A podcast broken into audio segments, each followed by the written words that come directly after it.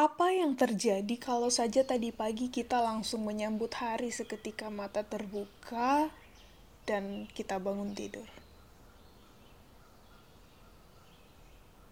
Mungkin kita masih bisa merasakan matahari yang hangat. Kita masih bisa ketemu mamang tukang sayur.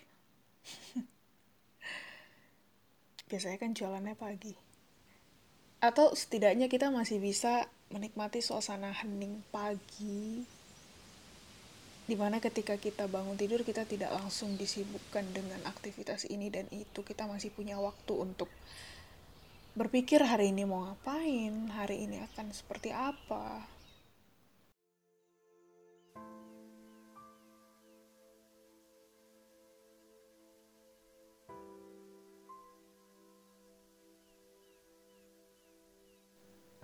Apa yang terjadi kalau saja pertanyaanmu saat kelas online tadi jadi kau tanyakan ke dosen?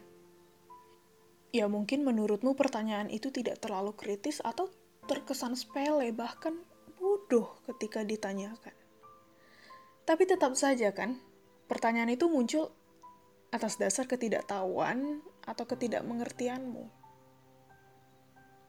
banyak dari kita yang memang lebih memilih diam dalam aman daripada bersuara dengan resiko terlihat bodoh yang padahal belum tentu, padahal kemudian kita akan mendapatkan jawaban atas pertanyaan kita.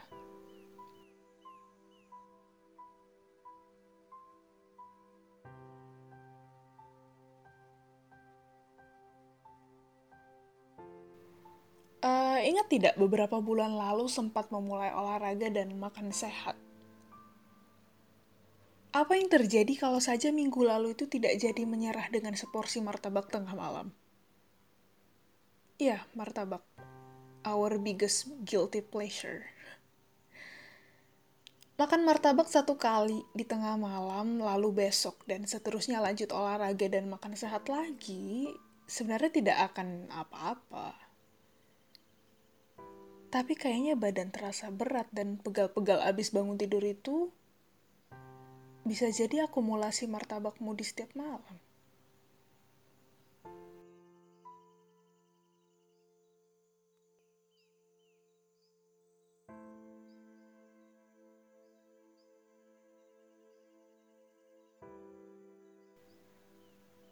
Apa yang terjadi kalau waktu itu kau mulai saja syuting video pertama untuk YouTube channelmu?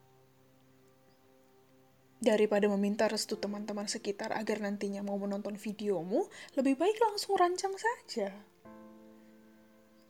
Menghasilkan karya tapi sedikit yang menikmati, itu memang pada awalnya terkesan menyedihkan dan ya sia-sia.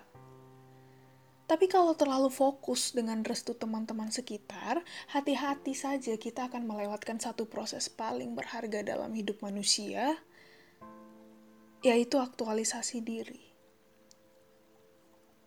Pernah tidak berpikir bagaimana ya jadinya kalau kali ini saja, kali ini saja, jangan dulu ikuti isi pikiranmu yang isinya malu, takut, jelek, gak bisa apa-apa, gagal, mau nyerah aja. Coba sekali ini aja ya. Jangan dengarkan dirimu. Prove them wrong. Coba buktikan kalau di other side of you itu, yang ngata-ngatain itu, itu semua salah. Akan seperti apa coba kondisi kita sekarang ini seandainya kalau dari dulu kita tidak memberikan ruang, kita tidak mendengarkan isi pikiran yang seperti itu untuk menguasai kita.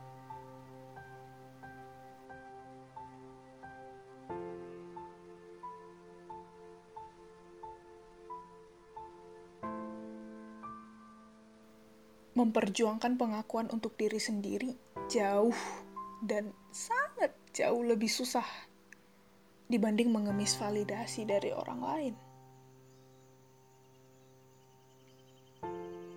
Lebih baik merasa sakit karena gagal dibandingkan merasa sakit akibat penyesalan.